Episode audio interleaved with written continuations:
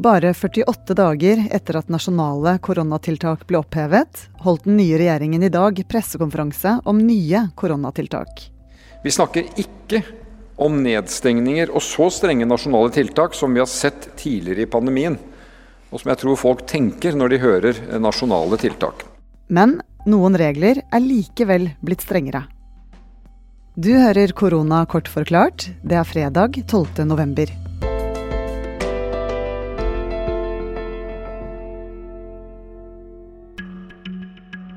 Den siste uka har vi hatt flere nye smitterekorder. I Tromsø, i Trondheim, Oslo og flere andre steder har kommuner måttet innføre lokale tiltak.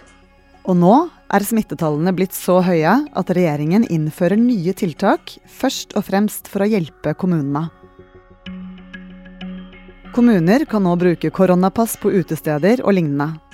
Det betyr at steder kan holdes åpent som vanlig, mot at de som vil inn, viser et grønt koronapass. I tillegg vurderes det om koronapass skal brukes nasjonalt, som i Danmark. Et annet hovedbudskap fra Støre var at om du er syk, må du holde deg hjemme. Hovedregelen vil være den enkle nasjonale råd som, vi, som vi alle må forholde oss til, som å være hjemme når vi er syke. I likhet med de over 65 år får også alle de over 18 år tilbud om en tredje vaksinedose. Det vil skje til neste år. Helseminister Ingvild Kjerkol fortalte om et stort press på sykehusene og ba alle uvaksinerte helsearbeidere om å bruke munnbind og teste seg jevnlig.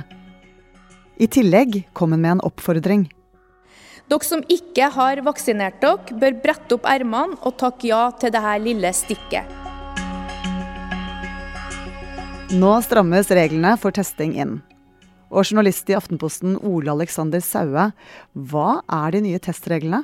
Eh, først og fremst er det viktig å skille mellom de vaksinerte og uvaksinerte. Eh, for de som har tatt vaksinen, så er det ingen krav. Men der er det kommet noen nye anbefalinger.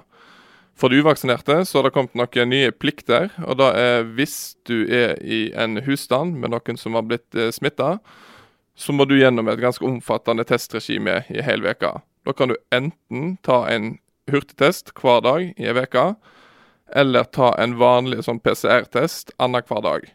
Og så er du nødt til å holde deg hjemme fram til du har fått svar på første test.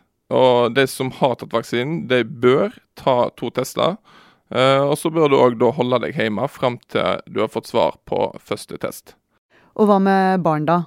Da landet åpna i slutten av september, så fjerner en jo så å si alle testkrav for barn på skolene. Eh, men nå trapper en opp eh, testregimet òg på skolene.